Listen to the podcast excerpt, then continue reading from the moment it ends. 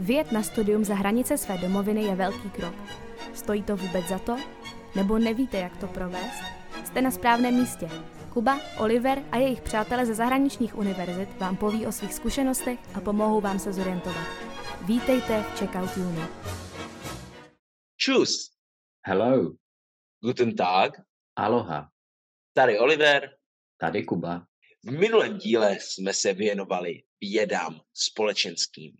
Tam jsme se zaměřili například na politologii, ekonomii a další humanitní obory, ale vzhledem k tomu, že Kuba a já jsme takové technické typy, takže levá mozková hemisféra nám šrotuje mnohem víc, eh, máme rádi naše čísla, eh, naši vědu, techniku a tak dále, tak se opět vracíme k vědám přírodním.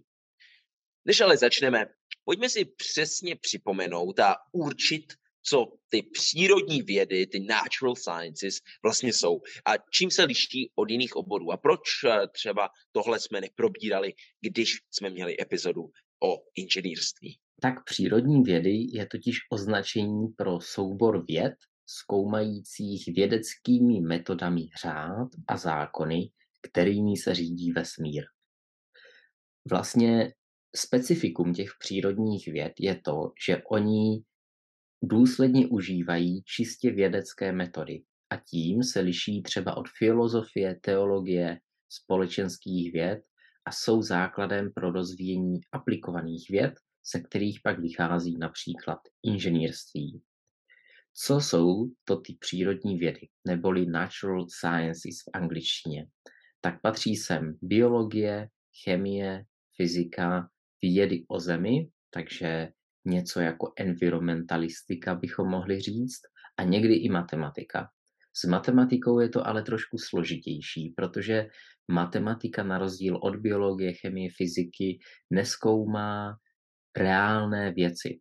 Chemie zkoumá reálné chemické sloučeniny, fyzika zkoumá reálné jevy, třeba blesky, světlo a tak dál, ale matematika se zabývá jenom nějakými myšlenkovými konstrukty protože třeba čísla jsou prostě imaginární pojem myšlenkový, kterým my se snažíme kvantifikovat věci kolem sebe. Takže matematika má docela blízko filozofii, ale někdy, protože souvisí samozřejmě s fyzikou a chemií a podobně, je započítávána mezi přírodní vědy.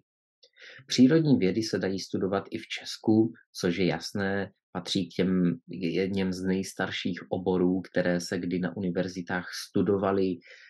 Původ mají už ve starověkém Řecku, Pythagoras a podobně, takže jsou to opravdu staré disciplíny, ale pořád je v nich co zkoumat.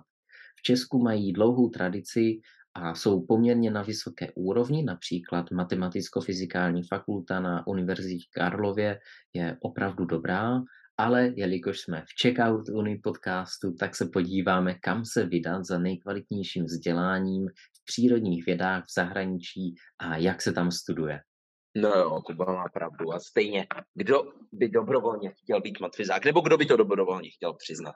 E, takže se pojďme věnovat těm deseti e, nejlepším, nebo podle nás minimálně nejzajímavějším univerzitám, e, které se specializují na přírodní vědy a nebudu se ostýchat právě to vzít hned jako na, z nuly na sto. Uh, jsme checkout unit, tak musíme opravdu proskoumat zahraničí hodně velkou dálku. Takže jako první tady máme univerzitu v Tokiu, neboli University of Tokyo. Je to uh, první uh, japonská univerzita, stará z roku 1877, takže asi zase na druhou stranu, když to porovnáme s tou českou eh, tradicí eh, těch, toho vysokého školství tady v Česku, eh, tak eh, je to takový jako Benjamínek, je to velice mladá univerzita, není to eh, samozřejmě tak historická instituce jako, jako naše zdejší univerzity, ale eh, i tak samozřejmě je to ta tokijská jako imperiální univerzita a jedna z těch nejprestižnějších eh, vysokých škol vlastně v celé Asii. Ehm, dřív byla hodně soustředěná vlastně na eh, studenty z Japonska, takže na své domácí studenty, ale zejména posledních eh, cca 10, 15, 20 let eh, se snaží hodně otevřít světu. V roce 2014 tak eh, ta fakulta těch přírodních věd dokonce otevřela i, i stoprocentně anglický program pro, pro studenty bakaláře, který se jmenuje Global Science Course. A je to velice zajímavé, protože eh, se snaží jako nějak celkově a holisticky eh, brát tu vědu a liší se vlastně celkově od těch ostatních univerzit eh, v Japonsku a de facto i, i v Ázii, protože stále v té Ázii se univerzity snaží být velice jako tradiční, ale, ale tahle mm, univerzita v Tokiu chce být lehce progresivní, chce se trochu přiblížit tomu, tomu západu, té, té Americe a vlastně přebrala ten americký systém, kdy studenti se první dva roky mají takový jako obecný, obe, obecný kurz, um, říká se tomu general education, a až poté si vybírají svoji specializaci.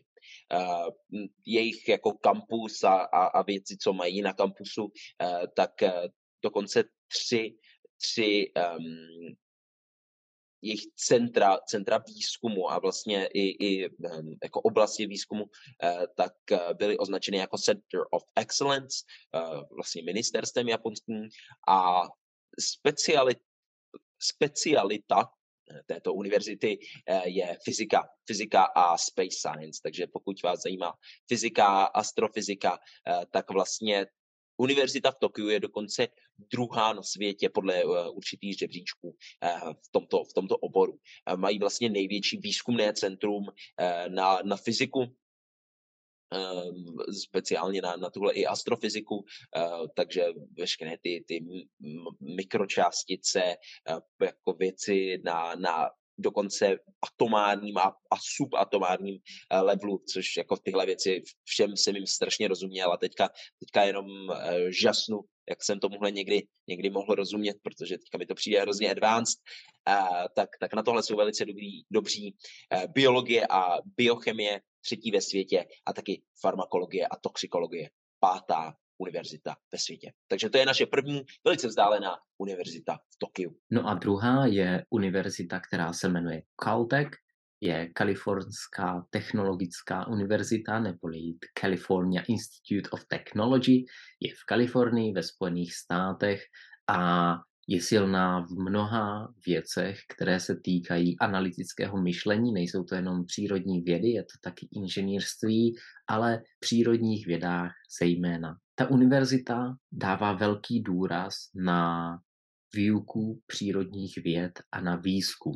To mají uh, ty univerzity, které máme dneska na žebříčku společné, protože jenom neučí přírodní vědy, ale taky dávají hodně prostoru pro výzkum už při studiu uh, vlastně magisterských uh, kurzů, takže když studujete na Caltechu a studujete tam, protože jste asi hodně motivovaní, jde vám to, tak není výjimkou, že se zúčastníte nebo že přispějete už jako předtím, než dostanete vlastně magisterský diplom nějakému výzkumu na té instituci. Proč Caltech? Proč jsme ho zařadili na žebříček?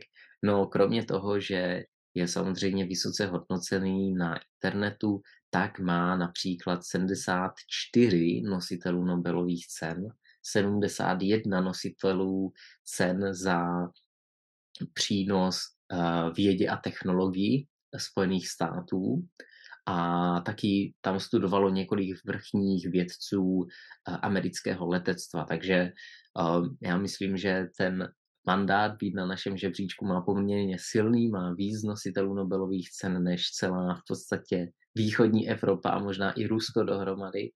A um, Určitě některé nositele Nobelových cen znáte, ale koho znáví až si všichni, je Albert Einstein, který byl na Caltechu uh, visiting professor nebo jakoby navštěvující uh, profesor přednášející, který tam uh, přijel, takže um, je tam i dům, ve kterém bydlel a oni jsou opravdu velice silní ve fyzice i matematice.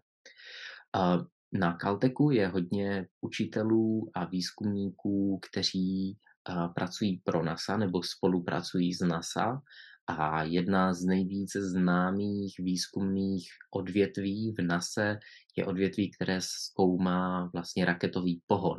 Jmenuje se to JPL, neboli Jet Propulsion Laboratory a bylo založené už v roce 1930 vlastního NASA, ale funguje jako divize Caltechu, takže když studujete na Caltechu, tak opravdu máte obrovské možnosti, nejenom, že jeden z vašich přednášících možná je laureát nebo dokonce nositel Nobelovy ceny nebo nějakého významného ocenění, ale taky uh, jsou tam lidi, kteří prostě vyvíjí budoucí technologie pro NASu.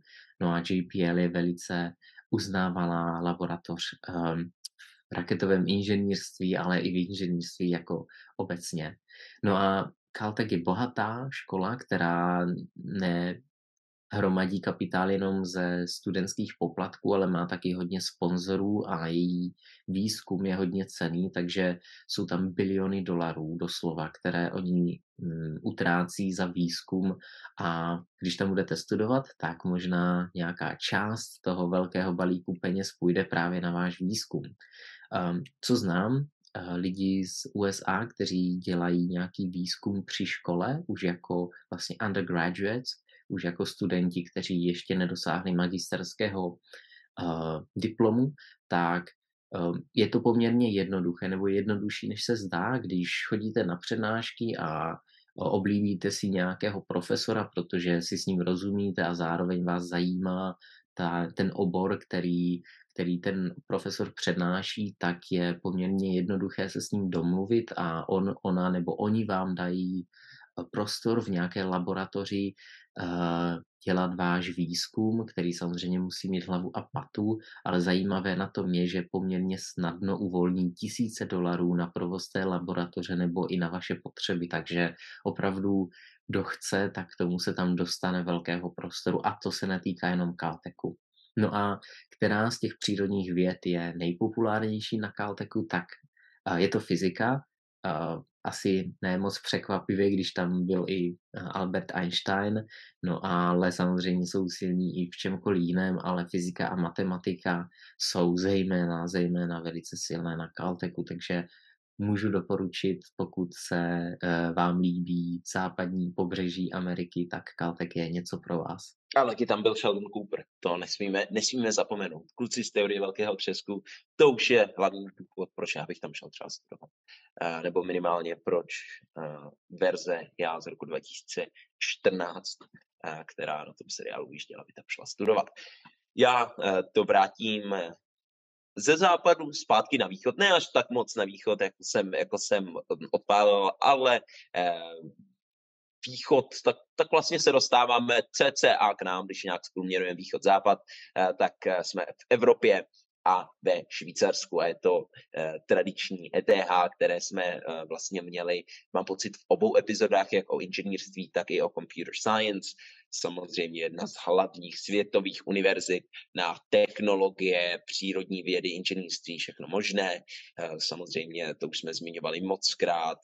Výborné jako vzdělání na education, krásně na to přednesou, fakt si tam prostě eh, voskoušíte eh, věci, ty nové technologie, veškerý výzkum, research a, a mají moc rádi takové to ne, ne moc dlouho někde teoretizovat a doopravdy aplikovat vlastně veškerý výzkum, eh, veškeré jako inventions, eh, veškeré nápady hned je, hned je aplikovat.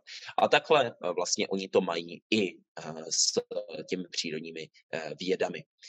Věnují se tam takovým těm research areas, ne třeba jako v Tokiu, kde, kde rozebírají jako velký třesk a nějak jako se snaží jako takovéhle věci jako zjistit třeba, třeba jako zpětně a hodně jako teoretizovat. Eh, tady berou do opravdu věci eh, jako eh, obor physical chemistry, biofyzika, biochemie, nanotechnologie, takové ty, takové ty věci, které prostě můžeme teďka testovat, můžeme experimentovat a, a opět se to hodně snaží propojit directly nějak jako s nějakou technologií.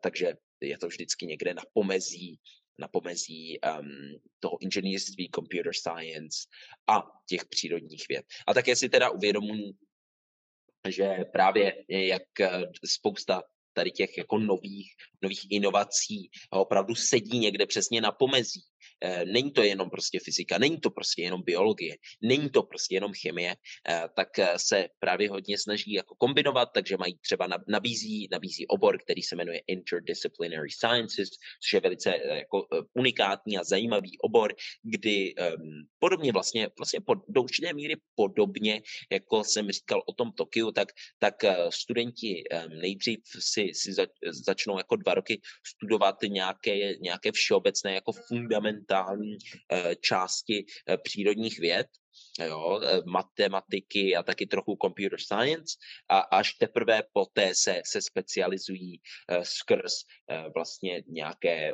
jako optional kurzy a moduly, uh, které si dále vybírají a pomocí toho se specializují, ať už ve fyzice, chemii, biologii, uh, materiálech, um, earth sciences, environmental sciences a tak dále. Takže mají takový obor, kde, kde berou jako to, tu vědu a ty přírodní vědy tak jako interdisciplinárně.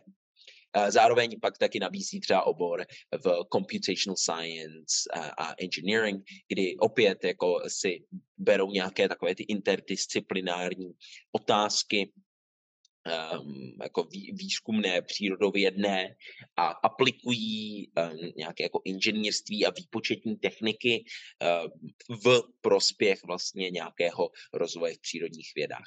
Takže pokud eh, chcete eh, studovat přírodní vědy, vědy ale, ale chcete na to mít, mít teoretickou zkušenost a víc takovou aplikovanou super high-tech, moderní, výpočetní, trochu si do toho chcete, chcete zahrát i, i s computer science a engineeringem, tak eh, ten styl, jakým to berou na, eh, v Curychu ve Švýcarsku, je určitě pro vás. No a další školou je Oxford, kdo by to čekal, většinou se umístí na žebříčcích a Oxford je zajímavý v tom, že se umístuje jak na žebříčcích společenských věd, tak přírodních věd, a, ale máme ho tu opět. No a jak se studují přírodní vědy na Oxfordu, tak oni mají 11 Eh, kurzů nebo 11 oborů eh, v přírodních vědách, ehm, jak byste asi čekali, je to biologie, chemie a podobně, vždycky něco spojené s těmi základními přírodními vědami. No a mají tam eh, pět písemek v prvním roce, sedm až dvanáct písemek ve druháku a ve třetíku a ve čtvrtáku mají pak nějaký výzkumný projekt. Takže um, se to tak stupňuje s tím, že ve čtvrtém roce nepíšete nebo se nemusíte učit na zkoušky, ale pracujete na nějakém uh, research projektu, který vás připravuje na akademickou kariéru, jak to bývá na Oxfordu zvykem, že většina lidí uh, pak, nebo většina, mnohem víc lidí než na jiných institucích zůstává v akademii a ve výzkumu, ale mm, prý podle toho, co jsem se dozvěděl na internetu, když vystudujete přírodní vědy, tak nemusíte zůstat u přírodních věd. Naopak uh, mnoho lidí eh, změní obor, ale použije ty analytické schopnosti, které se naučili a jdou třeba do financí, do práva a nebo eh, zkoumají nějaké společenské jevy pomocí těch přírodních věd. Takže, takže z Oxfordu můžete výjít a pak zamířit téměř kamkoliv se vám zachce. Je tam těžké se dostat, jak by každý asi čekal. Oxford je těžká škola, 15% je přijatých uchazečů z těch, kteří se přihlásí, takže poměrně velká konkurence a těžké se tam dostat. Kromě toho, že musíte splnit ty základní kritéria na Oxford, které jsou vlastně samé jedničky na maturitě v Česku, a, ale hm, v Anglii, pokud, pokud někdo studuje poslední rok střední, tak musíte mít takovéto 3Ačka s hvězdičkou, takže ty vstupní podmínky už jako takové jsou poměrně uh, těžké, musíte mít IELTS C1 minimálně, ale pokud ho splníte a uděláte ty jejich přijímací zkoušky, tak tam mají 11 oborů v přírodních vědách. Zajímavé na Oxfordu je to, že mají muzeum, a to má asi hodně škol, ale Oxfordské muzeum je takové to muzeum, které jste možná viděli v tom filmu Noc v muzeu, takové to staré tajemné muzeum v gotických stavbách, takže to je, to je tam hodně hezké. No a hm, taky přírodní vědy souvisí s tím, že děláte nějaký výzkum, který pak publikujete. No a Oxford má Oxford University Press, což je vydavatelství jedno z nejstarších a největších na světě. A, takže pokud chcete vydávat nějaké články nebo rádi přispíváte do nějakých týdeníků nebo podobně, tak, tak Oxford je místo pro vás. Samozřejmě tam máte velké množství literatury a to nemyslím uh, elektronické, jak je dneska zvykem a co má každý, ale Oxford má velice uh, library heavy culture, takže na Oxfordu je velice populární učit se v knihovnách, chodit do knihoven a ty knihovny bývají vždycky přeplněné, takže um, ty knížky nejsou jenom elektronicky dostupné, ale můžete si tam opravdu sáhnout na ty výtisky. No a podobně, jak to má Caltech, tak na Oxfordu studovalo hodně laureátů a nositelů Nobelových cen a známých tváří a přírodních věd, takže tam je dlouhá tradice. No a to je, to je zhruba všechno k Oxfordu, protože Oxford má pověst samu o sobě, pověst ho předchází a stačí říct, že je to jedna z nejlepších škol na světě a v mhm. Británii, takže určitě pokud se dostanete na Oxford, tak vedle nešlápnete. Zůstávám v Evropě, tentokrát mám pocit, že dokonce, dokonce zjistíme, že jsme si do s Kubou eh, lehce obrátili. Vždycky já jsem byl eh, takový ten anglofil a jel jsem si, nebo já v minulých epizodách dokonce i, i jako 100% někdy amerikofil, tak teďka jsme si role, role přehodili, protože já jsem se jako v, v Evropě jako mainland Europe a to je uh, Sorbona. A teďka se tady přiznám, um, tím, že to je velké, velké jméno, ale uh, historicky uh, v tom mám takový jako zmatek. Takže pokud někdo ví o historii uh, univerzit, této univerzity jako Sorbony trochu víc a, a, a řeknete mi, že jako tohle je Paříž, Sorbona 6 a 7 a tohle to eh, sám jsem se to snažil vyzkoumat a mám z toho takový chaos, že, že je možné, že udělám menší pře, eh, jako přešlap, tak se, tak se předem omlouvám. Každopádně Sorbona, univerzita, která má dlouhou, dlouhou tradici a vlastně vznikla tím, že že se vlastně se skupily až dohromady dvě eh, hlavní pařížské univerzity, a to je Paříž Sorbona a pak eh, Pierre a Marie Curie univerzity. Vlastně sjednotily se tyhle dvě, dvě instituce a eh, přebrali to jméno Sorbony. Takže je to, je to univerzita se skvělou historií um, vlastně a specializací na, na, na přírodní vědy a výzkum v přírodních vědách. Má aktuálně více než 3400 eh, eh, profesorů lomeno výzkumníků ve svých laboratořích. Eh, a to je trochu jako zvláštní, že si člověk řekne to, to tolik jako profesorů výzkumníků, ale je to um, opravdu tak, protože uh, hodně si tato, tato instituce zakládá na tom, uh, že mají různé jako partnerships uh, s velkými francouzskými výzkumnými organizacemi. Takže zároveň jakoby přebírají, že mají spoustu jako lidí, co byli výzkumníci a šli učit a zároveň spoustu lidí, co, co jako učili a najednou se z nich stali částečně výzkumníci.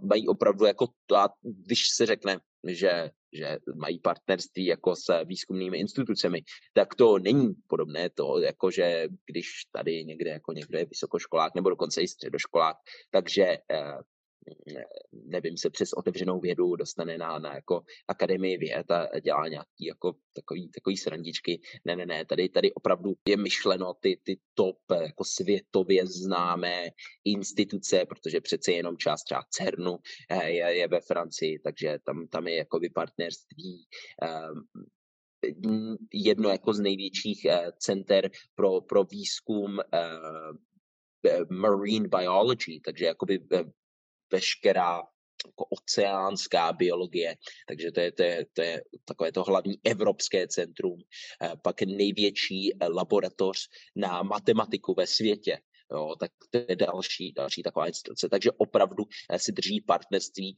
s těmi top, top výzkumnými institucemi vlastně v celé Evropě, ne na celém světě. Univerzita má 53 tisíc studentů, a mají opět jako uh, rádi takové jako to propojování, propojování um, jednotlivých disciplín. Takže um, jednak vedle takových těch jako hlavních i vlastně monodisciplinárních, není to vlastně asi jejich, jejich specialitou, jako, jako jsme, jsme se zmiňovali u jiných univerzit dříve, které si opravdu jako potrpí na tom, že, že prostě všechno musí být jako více disciplinární, takzvaně interdisciplinární, tak tady jako Sorbona si, ta se spokojí s tím jako jednooborovým eh, studiem, eh, ale eh, co je jako zajímavé, je, že mm, téměř pět tisíc těch studentů jsou studenti jako doktorských programů. Takže opět se to vrací k tomu, že jako většina studentů, když tam jde, tak tam jde zatím jako dělat research, a, a, a využívají vlastně naplno eh, toho, že, že většina, většina jako zaměstnanců univerzity jsou opravdu výzkumníci a většina partnerských institucí jsou opravdu ty nejlepší výzkumné instituce eh, v Evropě, ne na světě. Tak pokud byste měli eh, zájem o podobný styl studia, tak ta Sorbona, kterou doufám, že jsem nějak jako historicky eh, neznehodnotil tím, že jako jsem udělal nějaký jako velký přešlap, tak ta Sorbona by měla být určitě pro vás. No a po univerzitě v Oxfordu asi nepřekvapí, když se přesunu o kousek jinam a, a zaměřím se na univerzitu v Cambridge. Um, univerzita v Cambridge, podobně jako v Oxfordu, je známá, většina lidí ví, od, co od toho čekat, vyznačuje se krásným kampusem s mnoha historickými budovami a dlouhou historií, ale Cambridge je v tomto trošku jiný. Na rozdíl od Oxfordu, který má takový ten klasický model, jak většina univerzit, že máte obory v těch přírodních vědách, fyzika, matematika a podobně, tak Cambridge to má všechno dohromady.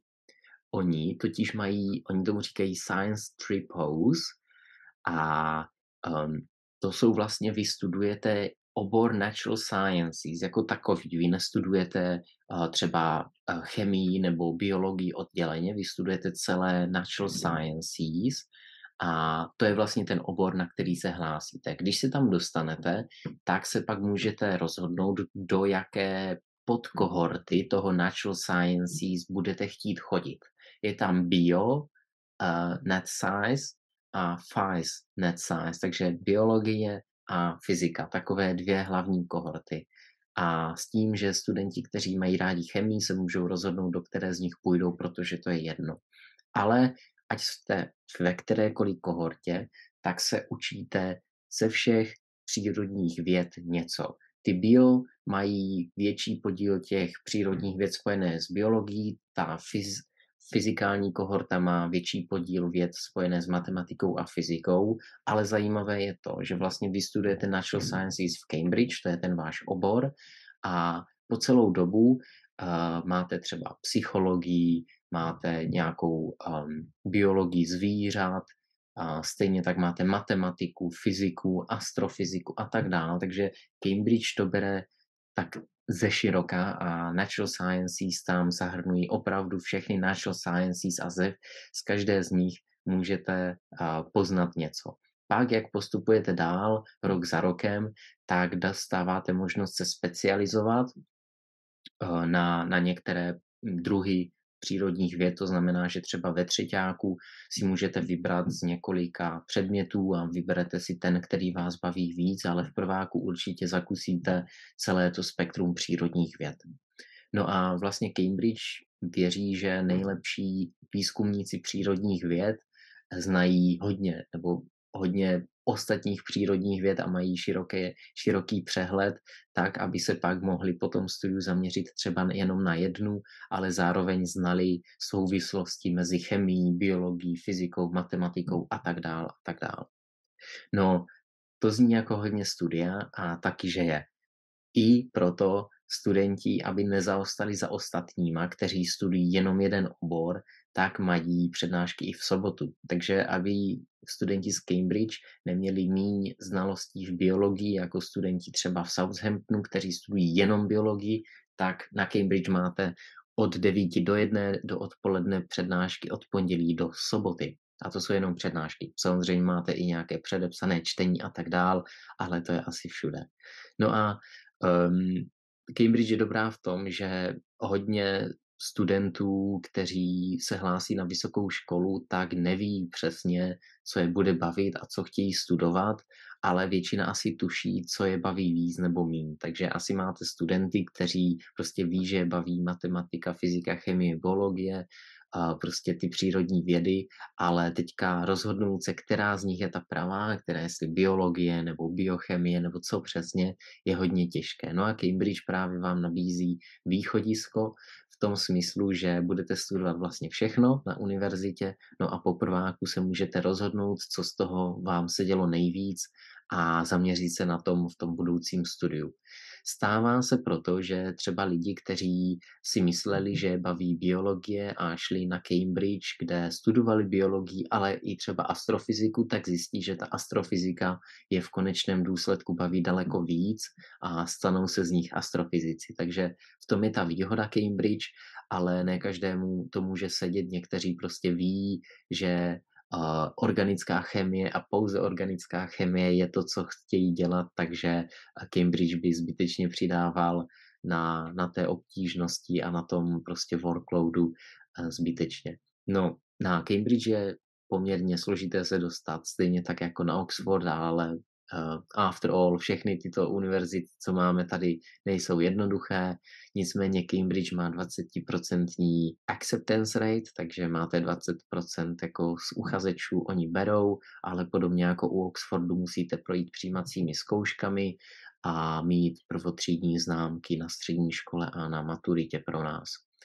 Um, na Cambridge je stejně jako na ostatních univerzitách hodně držitelů Nobelových cen za přírodní vědy, takže je tam hodně uznávaných profesorů, se kterými můžete spolupracovat a kteří vás třeba učí a kteří vás dokážou natchnout a motivovat víc než profesoři, kteří vlastně je neznáte nebo si s nimi ani nerozumíte a je těžké pro ně stát se pro vás takovým tím vzorem, to na Cambridge jsou to opravdu velká jména a podobně jako na Oxfordu i Cambridge má velmi silné a dobré vazby na studijní různé výzkumné centra. Takže třeba AstraZeneca a asi hodně z nás zná, protože e, vyvíjela vakcíny proti covidu, ale covid zdaleka není to jediné, na co se AstraZeneca zaměřuje, tak AstraZeneca má krásný nový areál a já mám pocit, že je nedaleko Cambridge a právě když budete studovat na Cambridge a zaměříte se třeba na biochemii,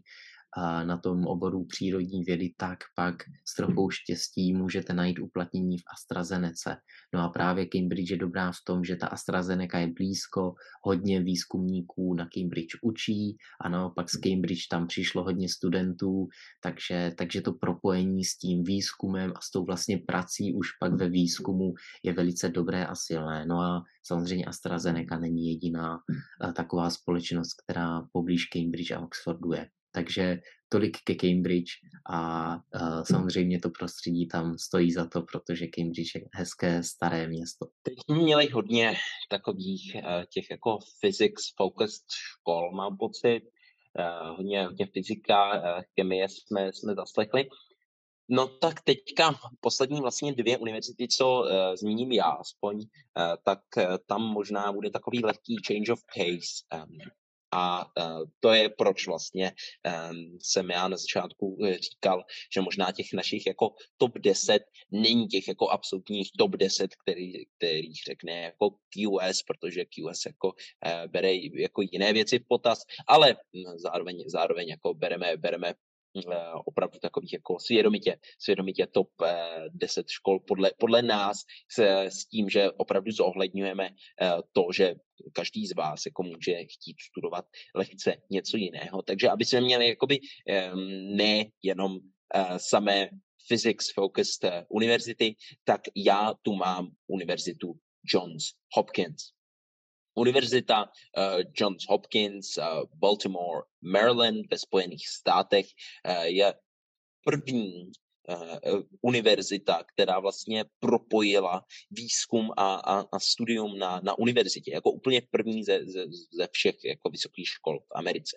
A uh, stále si vlastně tenhle status toho, že, že mají rádi ten svůj research, stále si ho drží, protože i v dnešní době, i přesto, že máte prostě takové ty, jak jsme říkali, Caltechy, eh, MIT, Harvardy, tohleto, tamhleto, které prostě pumpují peníze do výzkumu, aby si drželi to, to jako prvenství, to, to první místo, jako to, tu první příčku v těch žebříčcích, tak John Hopkins dodnes je ta univerzita, která dává nejvíc peněz do výzkumu eh, více než kterákoliv jiná vysoká škola lomeno univerzita ve Spojených státech. Stále, to, stále se to snaží eh, jak si, jak si integrovat a jejich specializací není fyzika, eh, ačkoliv ji taky tam můžete studovat a určitě to není špatná volba, ale pokud eh, bych měl zmínit jedno, jednu hlavní oblast, ve které, ve které John Hopkins uh, úplně jako dominuje a je, je lepší než, než uh, kterákoliv univerzita ve Spojených státech, možná, možná na světě, nebo minimálně jako v jedné z těch opravdu top, top, top, top, top institucí uh, na tohle, tak eh, jsou zejména obory, jako je eh, biologie eh, a bio, biotechnologie a obecně věci, které spíš směřují do, i lehce do nějaké takové medicíny. No, stále to teda rádi, rádi jako kombinují, protože vlastně to, to myslím, že slycháte neustále, že, že si v dnešní době ty instituce hodně uvědomují, že to není o tom být prostě jedne, jeden obor pro jednoho, jako pro jednu oblast, ale, ale hodně, hodně je nutné to jako v dnešní době kombinovat, kdy, kdy se jako ty jednotlivé, jednotlivé fields, ty jednotlivé oblasti, ty, ty jednotlivé vlastně mm, předměty uh, jdou hodně dohromady v dnešní době, uh, tak uh, vám to umožní kombinovat, mají i vlastně podobně jako jsme zmiňovali na, na Cambridge a i na, na jiných vlastně univerzitách, mají taky obor, který se jmenuje Natural Sciences Area Major, uh, který vlastně vám, vám kom, uh, umožní, umožní uh, kombinovat, ale v tomhle případě pouze jako dvě dvě oblasti přírodních věd podle toho, co si vyberete, takže to může být biologie, chemie, chemie, fyzika eh, nebo, nebo jakákoliv jiná kombinace. Eh, samozřejmě si potrpí ale na tom, aby to byla nějaká jako smysluplná, smysluplná kombinace, že to ne, nemůžou být eh, dvě jako věci, které sedí úplně jako na, na, na jako na odlišném konci jako spektra, takže prostě nějaká jako geologie a, a, a pre-med, tak tam asi jenom jako stěží najdete nějakou jako smysluplnou uh, kombinaci, která jako a aktivně, aktivně jako ty, kde, kde ty dvě části spolu aktivně nějak komunikují. Uh, ale um, je pravda, že tedy John Hopkins uh, věci, které se týkají jako biologie, um, lidského těla, medicíny, biotechnologie, bioengineeringu, jsou v tom opravdu, opravdu skvělý. A opravdu, když, když teda jako, um, jako nepočítáme takové ty, ty, ty jako veškeré metriky, které, které ty žebříčky jako berou v potaz a zaměříme se opravdu na, na jako profesory a experty uh, v těchto jako oblastech, tak, tak spousta lidí dokonce říká, že John Hopkins uh, má uh, úplně jako nejlepší profesory na přírodní vědy, kteří vám to nejlépe jako vysvětlí, odprezentují, jsou to specialisti v té, v té své oblasti, eh, takže, takže spousta, spousta lidí říká, že, že když jako eh, pominete eh, takové ty jako žebříčky, které, které hodně jako se soustředí třeba na ten, na ten jako výzkum a, a spíš vás opravdu zajímá, kolik se jako tam, tam naučíte a jak jako interagujete se svými profesory, tak John Hopkins je možná ta nejlepší univerzita na to jako naučit se přírodní vědy na světě. Já zůstanu v USA a další na našem žebříčku je MIT, uh, Massachusetts Institute of Technology. No a co dodat, podobně jako Oxford a Cambridge, všichni nebo většina lidí, který, které baví matematika, fyzika a zajímají se o to, to jméno už někde slyšela, protože produkují velké množství výzkumů a publikací. A aby že ne, protože mají jednu z největších nebo opravdu velkou fakultu pro přírodní vědy, která má zhruba 75 členů jako stálých profesorů, 300 studentů magisterských oborů a 300 studentů pak v postgraduálním studiu. No a je to jedna z největších univerzit v USA, co se týče výuky například fyziky, protože ve fyzice mají ten největší počet uh, studentů v USA, takže opravdu silná ve fyzice a v matematice. No a od roku 1998 čtyři studenti MIT dostali Nobelovu cenu, takže hodně vlastně vašich nepřímých spolužáků, nemoc daleko od vás, jako hodně čtyři, čtyři jsou hodně, má Nobelovu cenu. No a možná tam stále ještě učí, takže proč, proč to neskusit je tam někde potkat na kampusu. No a hm, jejich výuka, jejich styl výuky je specifický v tom, že oni mají metodu, která se jmenuje Technology Enabled Active Learning. No a co to znamená? Znamená to, že výuka na MIT v těch přírodních vědách se snaží skloubit přednášky, různé simulace na počítačích, různé praktické cvičení, kde si můžete vyzkoušet, jak věci fungují, a experimenty a taky skupinové práce a aktivity. Takže to všechno se, se sejde dohromady a je to takový vlastně výukový program, který oni tam praktikují v současné době a který se samozřejmě snaží kombinovat hodně vašich silných i slabých stránek, abyste se stokonalili ve všem, jak v komunikaci, tak v různých praktických experimentech, měřeních a tak dál. A aby vám zasadili vlastně tu teorii do kontextu. No, všichni um, studenti undergraduate uh, kurzů, což jsou vlastně magisterské nebo bakalářské uh, kurzy v češtině, mají matematiku a mnoho z nich si matematiku pak vezme jako vlastně, hm, jak to přeložit do češtiny, že pak pokračuje v té matematice, ať už se na ní zaměřují celkově, nebo ať už jich mají jako vlastně takový pomocný předmět. Takže matematika je uh, takovou um, klíčovou nebo centrální uh, disciplínou na MIT, pokud studujete přírodní vědy. Matematika je velice užitečná, uh, protože pomáhá kvantifikovat různé jevy a například i když studujete psychologii, tak máte hodně matematických přednášek, protože když někoho zkoumáte, tak musíte různě produkovat grafy a říct, jak moc se odchyluje od normálu a, a jestli je to jenom nějaká, nějaké zmatení nebo je to prostě těžký dement, takže uh, není to jenom matematika a fyzika, které, které mají počítání ve svém syllabu.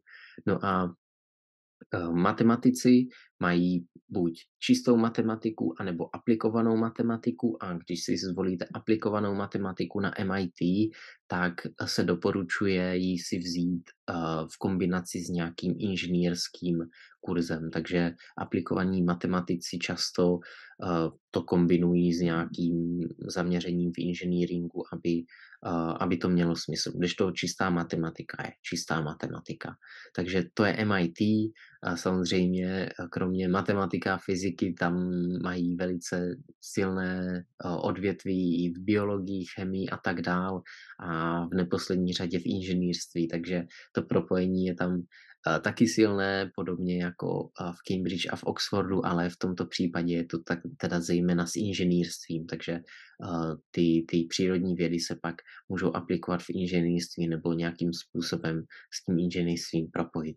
A já mám naší celkově devátou univerzitu a svoji, svoji úplně poslední a, a teď si říkáte, co by, to, co by to asi mohlo být. Tak máme, tak měli jsme už eh, MIT, Oxford, Cambridge, taková ta, ta, ta stará známá písnička, tak asi, já nevím, Imperial, uh, něco takového. Ne, mám tu univerzitu, která se na našich žebříčcích objevuje no, úplně poprvé. Myslím si, že pro spoustu lidí to, to možná dokonce bude úplně poprvé, co jste o této univerzitě slyšeli. Eh, že spousta lidí vůbec jako o této univerzitě eh, neví. Tím nechci říct, že by ta univerzita jako nebyla kvalitní. Ono, on je specifický důvod, proč ta univerzita není tak, tak známá. A možná už bych mohl odhalit její jméno. Je to UCS F, neboli University of California, San Francisco. Takže je to jedna eh, z těch několika univerzit, které spadají do systému těch eh, UCs, což jsou ty University of California, určitě jste slyšeli eh, UCLA, University of California Los Angeles, UC Berkeley, to jsme měli v minulých žebříčcích, dále, dále tam je UC San Diego, UC Irvine, UC Santa Cruz, UC Santa Barbara, no prostě těch UCs je, je několik a jsou to vlastně státní univerzity, kalifornské státní univerzity, univerzity státu Kalifornie. A UCSF je, je univerzita, která se specializuje uh, pouze a pouze na uh, lidské zdraví. Takže tohle, eh, jak jsme teďka jako slyšeli, slyšeli, jak spousta univerzit přichází na, na systém jako interdisciplinárního studia, UCSF úplně Eh, naopak se soustředí pouze na předměty, které jsou spojené s lidským eh, zdravím. A je jako v tomto oboru eh, je to opravdu světová špička. Takže jsou tam kurzy od tradiční jako ehm, dentistry, takže jako eh, zubařina, eh, medicína, nursing, eh, různé předměty jako pharmacy, takže to, je, to jsou takové ty jako tradiční předměty, které, které byste čekali, jako když tady někdo jde studovat prostě třeba lékařskou fakultu. Ale UCSF má teda tu přidanou hodnotu, že je v San Francisku, UC San Francisco, takže v úplném jako centru Silicon Valley, takže tam víte, že tam to je jako to centrum veškerých těch inovací, super jako hypertechnologických. Uh, a opravdu uh, oni se vlastně přetransformovali vlastně z, z takové lékařské fakulty v Kalifornii, se přetransformovali na, na centrum inovací v oblasti jako eh, bioengineeringu eh, a jakékoliv jako vědy a inovací v lidském zdraví. Takže pokud, pokud jako vaší specializací by třeba nebyla fyzika, nebyla matika, ale bylo to něco víc jako v tomto oboru, eh, takže, takže nějaká jako biomedicína, biologie, cokoliv jako spojené, spojené s člověkem, tak UCSF možná je úplnou jako světovou, světovou špičkou. E, samozřejmě také tam máte e, laureáty Nobelovy ceny e, a vlastně úplně vrcholné výzkumníky v této vlastně úplně nové oblasti jako biotechnologií, protože na rozdíl od fyziky, která tady s námi je už jako dlouho, tak tenhle jako bioengineering je tu opravdu jako, jako krátce. Uh, mají taky jako velké výzkumné oddělení i trochu na health policy, kdy, kdy trošku teda kombinují, kombinují jako lidské zdraví s nějakou trochu jako politikou a, a etikou, uh, ale taky výzkum, výzkum AIDS a celkově, celkově když ve světě Eh, hledáte nějakou jako instituci, eh, která je jako úplně top v biomedicíně, eh, já nevím, sekvencování jako genu a tak dále, tak UCSF je určitě jako tou univerzitou, které, o, které, o které jako uslyšíte.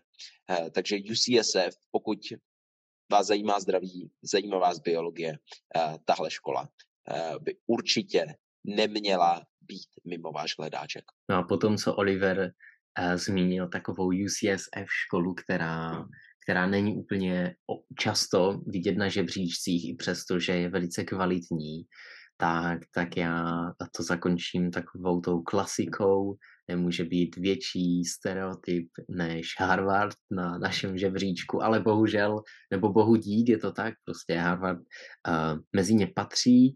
No, začnu asi tím, že hm, připomenu, že je to v USA, kde se za studium platí a za uh, poplatky pro, za ubytování i učebnice na oboru přírodních věd uh, vás to vyjde na 71 až 77 tisíc dolarů za rok, takže uh, Harvard je jde ruku v ruce i s těmi náklady. Harvard je zajímavý tím, že samozřejmě kromě toho, že přírodní vědy tam jsou na vysokém potenciálu a jsou hodně dobré, tak má kurz, který, který um, podstupují všichni prváci a ten se jmenuje Matematika 55 a je proslulý tím, že se o něm říká, že je asi nejtěžší matematickým kurzem pro prváky v Americe a možná i na světě, takže prváci si projdou křtem ohněm, matematikou 55, tím předmětem hned na začátku studia. A já jsem se trošku začetl, co to obnáší, tak je to opravdu zajímavé, protože na rozdíl od takové té klasické matematiky v prváku na vysoké, která opakuje integrály, derivace a podobné klasiky, tak um, matematika 55 bere topologii a různé uh, typy čísel a fakt jako dopodrobná takové um, méně známé oblasti matematiky, takže to je zajímavost o přírodních vědách, vědách na Harvardu. No a Harvard se zaměřuje na kritické myšlení a e, zejména pak na kvantitativní kritické myšlení. Na to je kladený důraz v přírodních vědách a kritické myšlení asi všichni znají. Kvantitativní kritické myšlení znamená e, ve velmi zjednodušené verzi a zkratce to, že e, se díváte na nějaký výsledek, na nějakou hodnotu a jste schopní říct, jestli vám tam něco nehraje, nebo jestli to vypadá jako rozumně. Takže eh, má, si zdokonalíte velice takový odhad na to, co dává smysl a to, co nedává smysl, už jenom při pohledu na nějaké čísla a na nějaké kvantitativní data. No a, Harvard, stejně jako předešlé školy, nabízí studentům velmi široký uh, výběr výzkumných možností uh, v přírodních vědách, um, takže co k tomu dodat. Máte velmi dobré spojení na, na výzkum a na vlastně industry, na průmyslový výzkum. No a Spojené státy mají hodně, hodně dobrých chemických uh, institucí, Pfizer a podobně.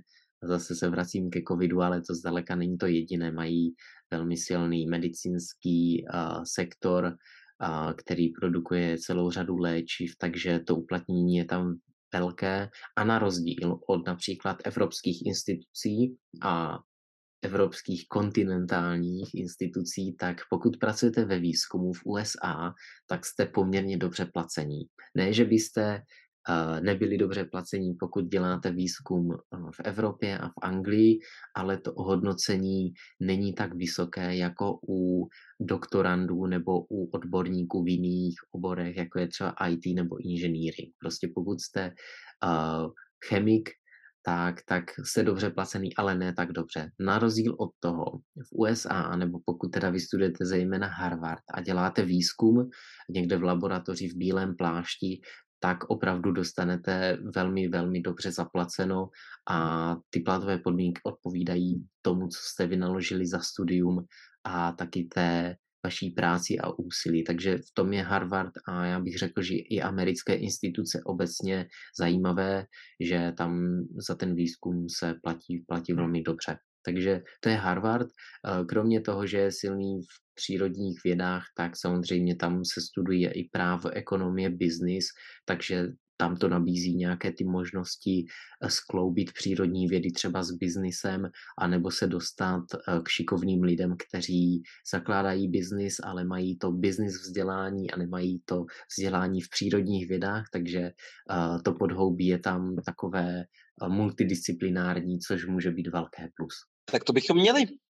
Deset inženýrských, deset biznisových, deset IT, deset humanitních a teď deset přírodovědných univerzit. Probrali jsme pět takových těch hlavních jako ob, oborů, oblastí, kam předpokládáme, že většina z vás se bude hlásit, takže, takže doufáme, e, že jsme, že, že jsme vám tímto zjednodušili hledání vaší vysněné vysoké školy. A zároveň jsme tím završili naší minisérii top 10 univerzit pro studium XYZ, ať už, ať už si tam doplníte eh, jakýkoliv, jakoukoliv z těchto pěti zmíněných oblastí.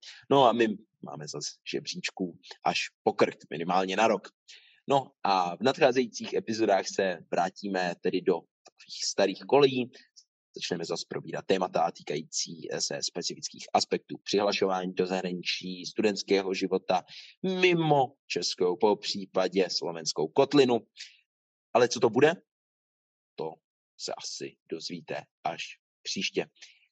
Dejte nám prosím vědět do, do DMs, co by, co by vás specificky zajímalo, nějaké dotazy, nějaká přání jako na, na epizody. Zároveň pokud můžete, a to je, to je hrozně zajímavé, uh, cca 30 minut zpátky, vyloženě to bylo, Eh, při nahrávání tohohle podcastu mě maminka upozornila, že je první člověk, eh, nebo minimálně jeden jako z prvních, co nám dal, dal hodnocení na Spotify. Já vůbec nevěděl, že to jde a Spotify, tak jsem to zčekoval a Spotify nám zveřejní, zveřejní hodnocení, až když budeme mít potřebný počet jako hvězdiček nebo jako hodnocení, tak prosím, pokud můžete, hoďte nám i hodnocení na Spotify, budeme jedině rádi.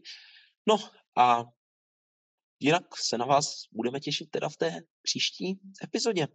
Tak jo, zatím mějte se a čau. Díky moc, no a samozřejmě my jsme se zaměřili na inženýrství, biznis a podobné obory, ale pokud by vás zajímalo něco specifického, co jsme třeba generalizovali nebo jsme přehlédli, tak nám určitě napište a my se postaráme o to, abychom vám doporučili nějaké dobré instituce a můžete se s námi spojit přes DM samozřejmě kdekoliv, kdykoliv. No a my se budeme teda těšit v té další epizodě, takže do té doby čau. 是啊。